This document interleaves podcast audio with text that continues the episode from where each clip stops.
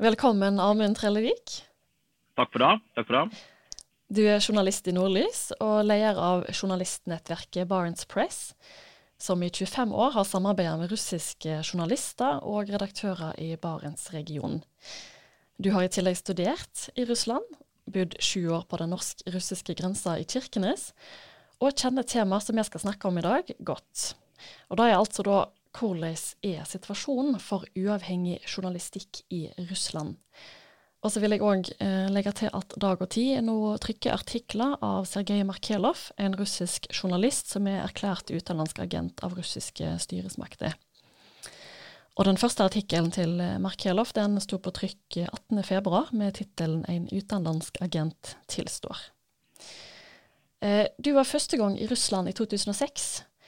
Og det var da du ble så sjokkert over de vanskelige forholdene som russiske journalister arbeider under.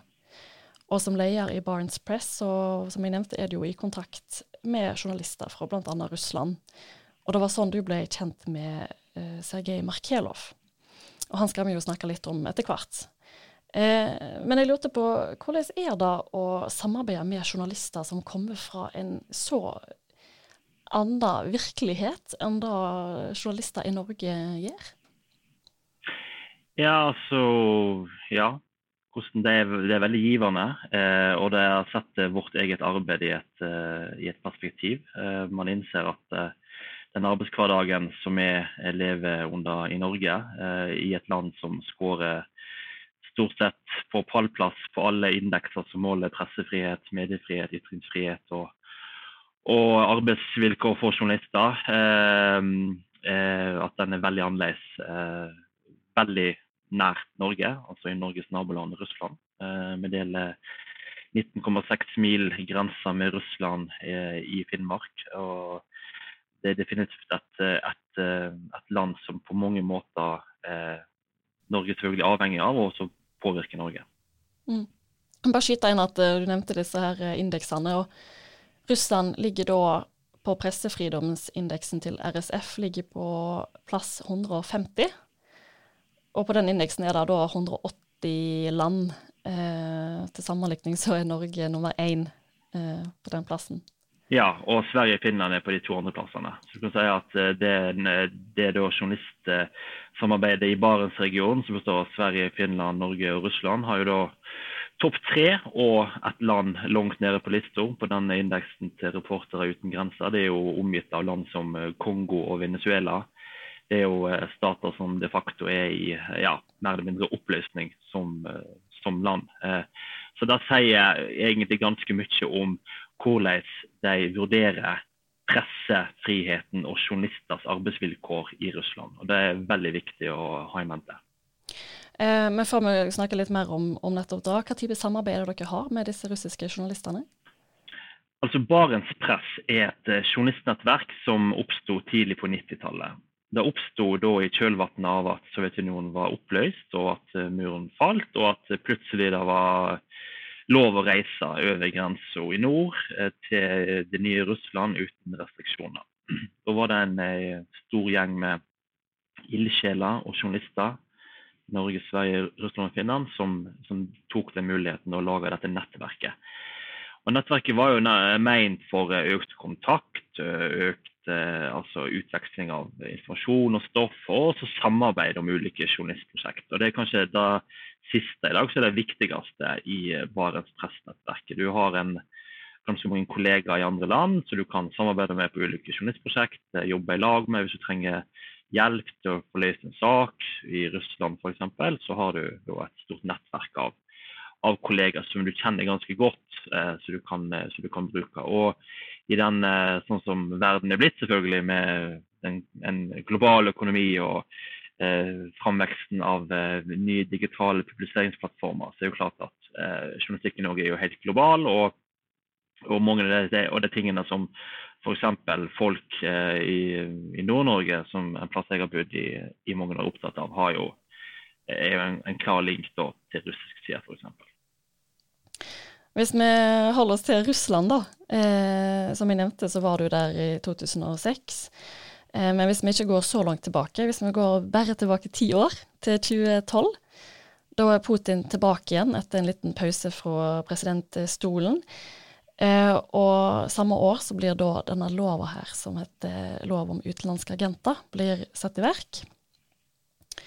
Og nå får du rette meg hvis jeg tar feil her, men eh, enkelt sagt så går den altså da ut på at organisasjoner som får økonomiske midler fra utlandet, det blir stempla som utenlandske agenter. Og dette gjelder i hovedsak ikke-statlige organisasjoner, som driver med det styresmaktene definerer som politisk aktivitet. Eh, men i 2020 så rammer òg denne lova enkeltpersoner, bl.a. journalisten Sergej Markelov. Eh, og hvis vi først starter med det, ja, hvis vi måtte se litt konkret, da. Hva er det, hva innebærer det for en journalist eller en organisasjon å bli erklært utenlandsk agent? Nei, i, uh, i, praksis betydning så betyr det at uh, du blir ilagt et uh, yrkesforbud. og Da kan jeg forklare nærmere hvorfor det er slik. Men jeg tror det er viktig å ha med konteksten her. altså I 2012 som du nevnte, så kom Putin tilbake til presidentmakta for, for tre ganger. Da hadde han hatt en pause i fire år som statsminister. Hans høyrehånd Dmitrij Medvedev var da var president i fire år fordi at den russiske grunnloven forhindra presidenten i å ta gjenvalg eh, mer enn to perioder. Eh, litt sånn som det er i USA, f.eks. Han kom tilbake i 2012, eh, ble som kjent valgt igjen i 2018 sant, for den fjerde perioden eh, totalt. Nummer to på rad. Eh, så endrer de grunnloven igjen, som gjør at han i prinsippet kan bli gjenvalgt for to nye ganger i 2024. Altså, i teorien kan Putin sitte som president til år 2036. Da har han, Hvis han gjør det, så har han sittet som president siden 31.12.1999. Så kan man begynne å regne opp antall år. Men det var ikke mitt hovedpoeng. Det som skjer i 2012, eller det som egentlig skjer i 2011 i Moskva, det er at det er et parlamentsvalg, Duma-valg. Det blir avdekka store eh, uregelmessigheter der, valgfusk. Eh, flere hundre tusen personer går på gatene i Moskva og protesterer mot valgfusk. Dette skjer vinteren 2011-2012. Putin, som blir gjenvalgt eh, våren 2012, ser på det her og blir nok ganske skremt.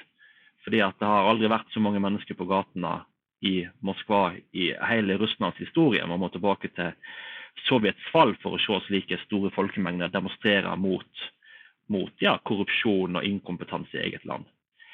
Så han vedtar da eh, det som er blitt da, til i dag denne såkalte utenlandske agentloven. Den starter egentlig der med at han innfører en rekke ganske restriktive lover som skal forhindre folk i å gå på gata. Altså, blir, eh, du risikerer flere års fengsel hvis du organiserer en demonstrasjon. Bøtene er svimlende. altså Du kan få ei årslønn i, i bøt, i bot for å være med i demonstrasjon. Og klart at Da legger jo et lokk på all type engasjement og vilje til å ville ja, gå i en demonstrasjon.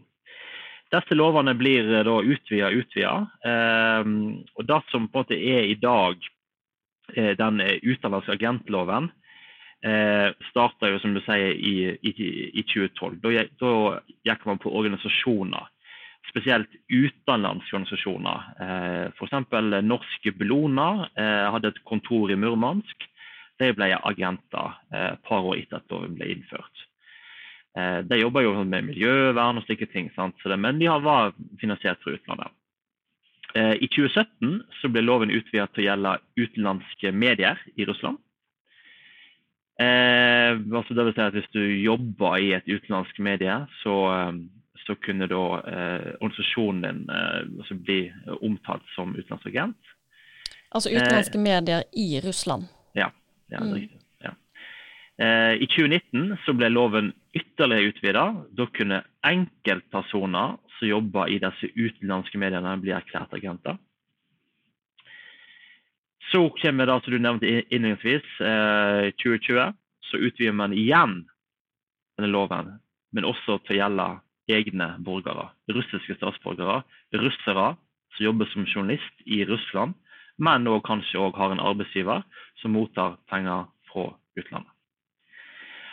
Og Det er jo det som eh, ligger eh, i denne her, eh, den siste utviklede av denne loven. det er at det er ikke lenger organisasjonen din du jobber i, eller medier du jobber i som er agenter.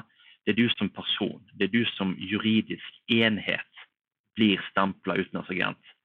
Ditt navn, Amund Trellevik, jeg er utenlandsagent fordi jeg jobber da, eh, som journalist. Eh, eller eh, altså Det gjelder ikke bare journalister, det er jo alle mulige folk som jobber i, eh, men for finansiering fra utlandet. Det kan være jurister, kan være menneskerettighetsaktivister, kan være miljøforkjempere, det kan være advokater. altså Et vidt spekter av, av yrkesgrupper er definert som å omfatte den loven her. Og hvorfor gjør de da? Altså, du var inne på det innledningsvis. Altså, det heter jo hvis du mottar penger fra utlandet og eh, driver med politisk virksomhet i Russland, så kan du bli agent. Og så kan jeg spørre, Hva er da politisk virksomhet? Er det å, ja. å, eh, er det å kjempe for at du vil ha mindre plastavfall i fjæra? Er det politisk virksomhet? Ja, kanskje. Mm, veldig vidt begrep. Det er et veldig vidt begrep, og det er det som hele essensen er. De har laga begrepet såpass vidt at den eh, i praksis kan ramme alle som de vil at den skal ramme. Og Det er jo det som er kritikken mot, eh, mot lovene, er at man, den er liksom konstruert sånn at man kan ta ut de man vil bli kvitt. Mm. Og Dette gjelder jo da Sergej Markelov, som eh, i 2020 som jeg sa, ble eh, erklært utenlandsk agent. Hva type journalist er han, hvis vi, litt, hvis vi ser litt på han først? da? Han er en uh, ung mann eller ung ung, han er i midten av 30-åra, jeg vil si at det er ungt, eh, som har eh, jobba som journalist i snart 20 år i eh, den plassen han, eh, han, bor i. altså Det er en by som heter Petrosavodsk. Ligger i, eh, i Karelen, det er tett på grensa til Finland. Det er sånn ca. midt mellom Murmansk og St. Petersburg, hvis du ser på kartet. Um, en liten by i russisk målestokk, en stor by i norsk målestokk. Um, der har han vært en av de journalistene som har jobba med eh, å avdekke eh, ja, kritikkverdige forhold i sitt lokalsamfunn. Altså det som vi vil kalle for helt vanlig, ordinær journalistikk i Norge.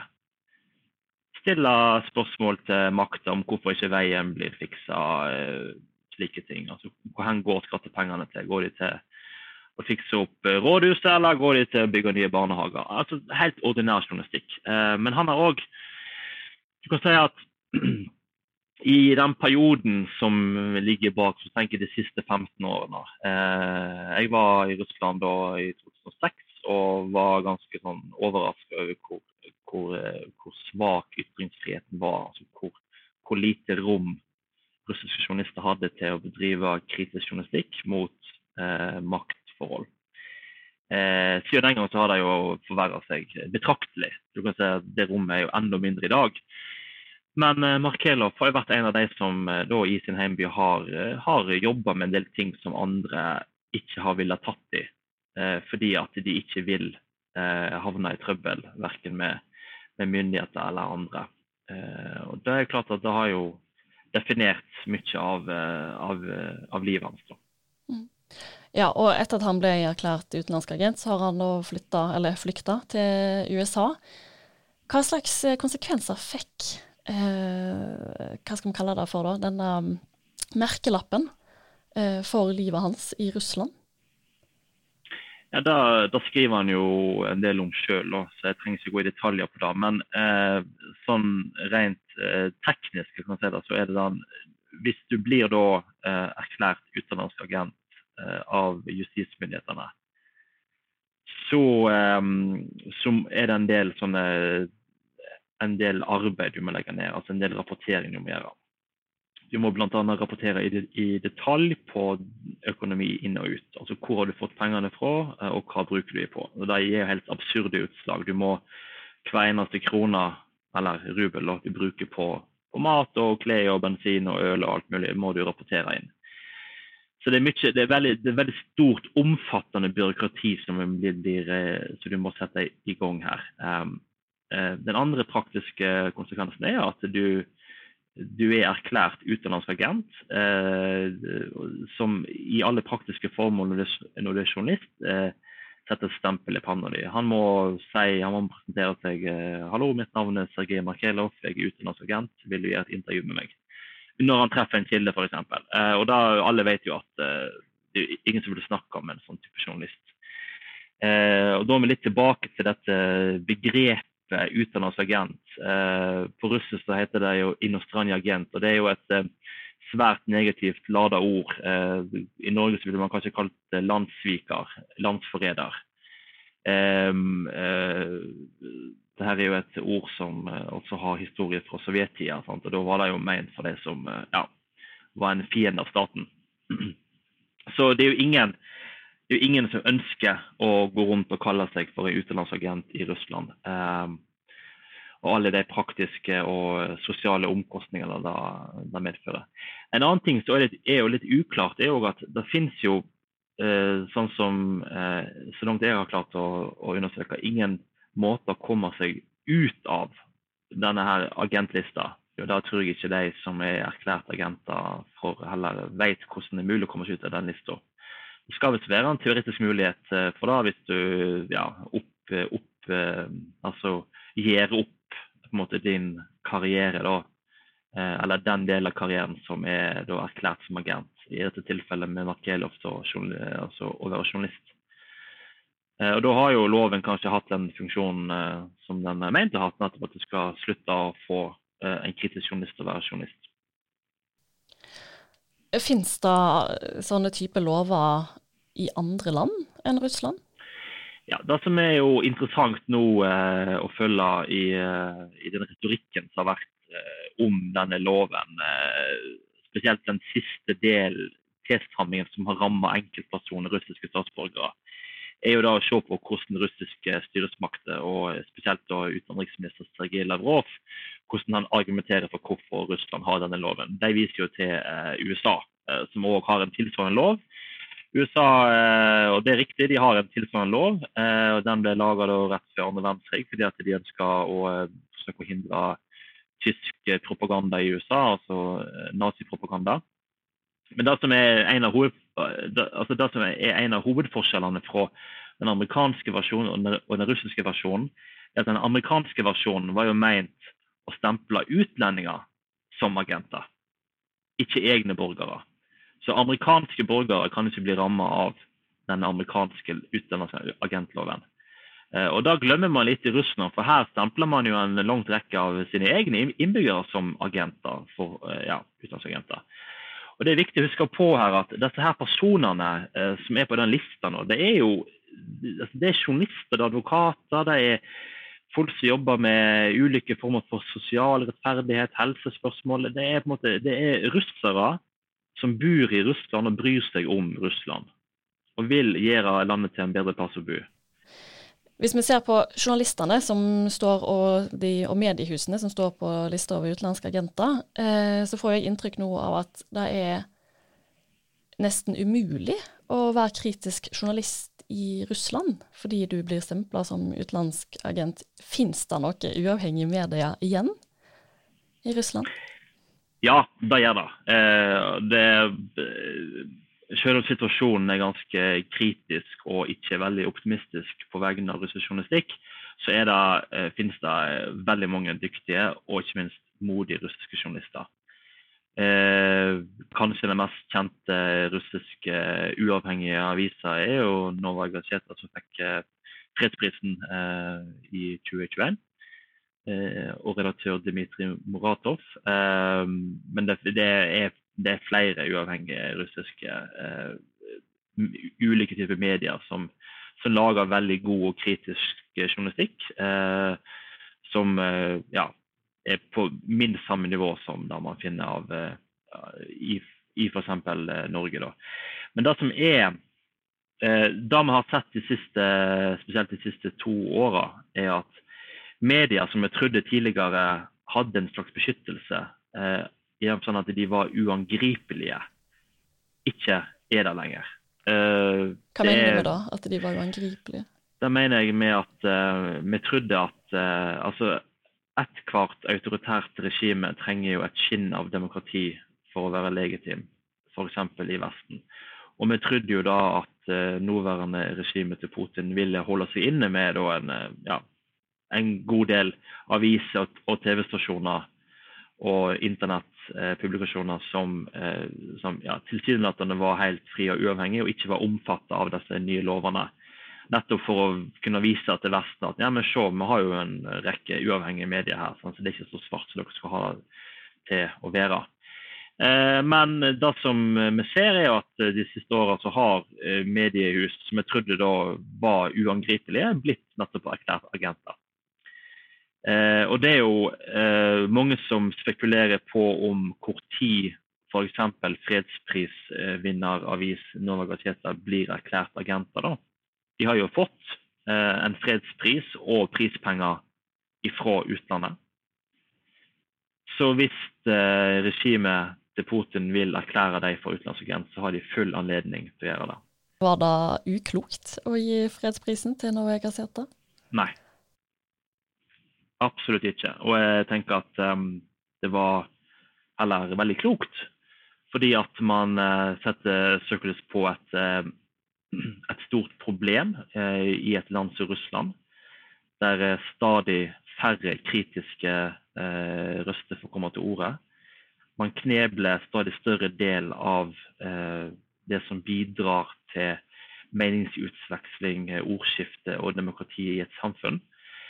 Og dette her handler jo ikke bare om eh, si sånn pressen isolert og journalister og redaktører. Det er jo et større bilde. Det handler jo om eh, Hvis man lager et samfunn der ingen kritiske røster eller ingen motstemmer får komme til orde, så får man jo i, på, på, lengre sikt et dysfunksjonelt samfunn som ikke fungerer. Hvis det ikke lenger er lov å gå ut og si at man er uenig i at man skal bygge en stor fabrikk som ødelegger et stort naturområde, altså slike alle mulige typer sånn motrøster som trengs i et samfunn, så får man jo et ødelagt samfunn og et land til slutt. Og det alle disse her stemmene som bidrar i ordskiftet, er, er viktige. Da. Uh, så det handler ikke isolert sett om bare en, en, en fredspris uh, eller uh, ei, ei, avis. Nei.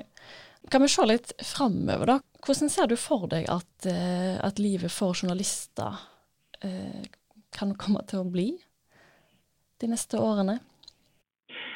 Nei, Det er veldig vanskelig å gi noe sånn, godt svar på på det spørsmålet. Eh, men eh, litt på vei så kan man jo se på hva som er blitt gjort disse eh, tida, de siste årene. Og hvis man følger den, den stien, så, så kommer det ikke til å bli lettere å være uavhengig og kritisk journalist i Russland de neste årene, dessverre. Selvfølgelig sammen, sammenfatta med det som nå skjer eh, på den ukrainske grensa. Eh, så er det jo en trend man ser at eh, regimet blir stadig mer autoritært, stadig mer eh, brutalt, kan man si. Eh, eh, og der stadig færre motstemmer er synlig i det russiske samfunn. Mandag kveld så hadde jo eh, president Putin samla sitt sikkerhetsråd det er et sånt eh, ja, et ganske viktig råd i russisk politikk som gir ja, selvfølgelig innspill på sikkerhetspolitikk og de tingene der eh, for å diskutere Ukraina. Eh, og Der var det jo ingen som turte å si noe annet enn at president Putin er nødt til å anerkjenne Luhansk og Donetsk, disse to fylkene av Øst-Ukraina, som uavhengig. Det var jo en merkelig skue å se på TV. Hvordan høyt utdanna erfarne diplomater eh, og politikere sitter der og bare er en ja-stemme til alt som kommer fra presidenten, eh, bl.a. utenriksminister Sergej Lavrov. Og det, er jo, og det er jo det jeg mener, altså at uh, uten en uh, kritisk offentlighet, så, så, får du sånne tilstander. Ja, eh, folk slutter å tenke sjøl. Ja, altså om de ikke Ja, altså eh, jeg tror nok at uh, russere tenker veldig masse. Russere er jo et, et folk som, som, er høyt utdanna og er veldig oppegående. men men man innser vel at det spiller ingen rolle hva jeg hva jeg tenker eller sier. fordi at hvis jeg tenker det jeg tenker for høyt, eller hvis jeg sier det høyt, så kan jeg risikere å havne i fengsel. Mm, mm. Ja, hva er det journalister i Russland risikerer? Ja, altså du risikerer mye, det gjør du. Um, altså, du kan bare ta litt sånn, ta sånn uh, det moderne Russland i sånn to faser. Den, den, første delen av da Russland ble uh, et eget land på 90-tallet og fram til ca. 2010, så var det å være journalist uh, i Russland farlig fysisk. Du risikerte å bli banket opp eller drept.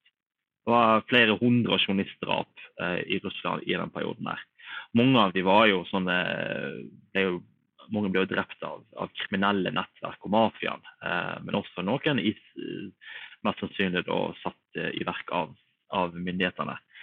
Men sånn etter 2010 fram til nå vil jeg si at uh, den farligste uh, altså Da journalister uh, står overfor av trusler, det er å kunne miste jobben sin, bli, altså bli presset ut av yrket, bli utsatt for svertekampanjer, slike ting. Det er mange meget dyktige, flinke journalister de siste årene som, som, har reist ifra Russland. Det er gjerne sånn at de har fått en beskjed, eh, melding via via fra noen, om at det kan være lurt om du f.eks. flytter til Ukraina eller Storbritannia eller Tyskland eller Georgia. Som er sånn typiske land som har en ansamling av veldig mange journalister. Men ikke bare journalister, også andre intellektuelle. altså Folk som jobber innenfor akademia, forretningslivet. Altså en såkalt hjerneflukt ut av Russland.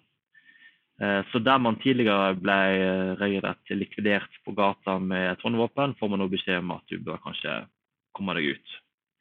Eh, og det er det mange som har gjort. Til slutt, hvis vi ser på forholdet mellom Norge og Russland, hva konsekvenser eh, får lov om utenlandske agenter for eh, samarbeidet i nord? Eh, Russland er jo Norges naboland. Vi deler grensa i Finnmark med Russland. Og, eh, og i, i Nord-Norge eh, har det jo i mange år vært et veldig aktivt sivilt samarbeid med Russland på mange felt.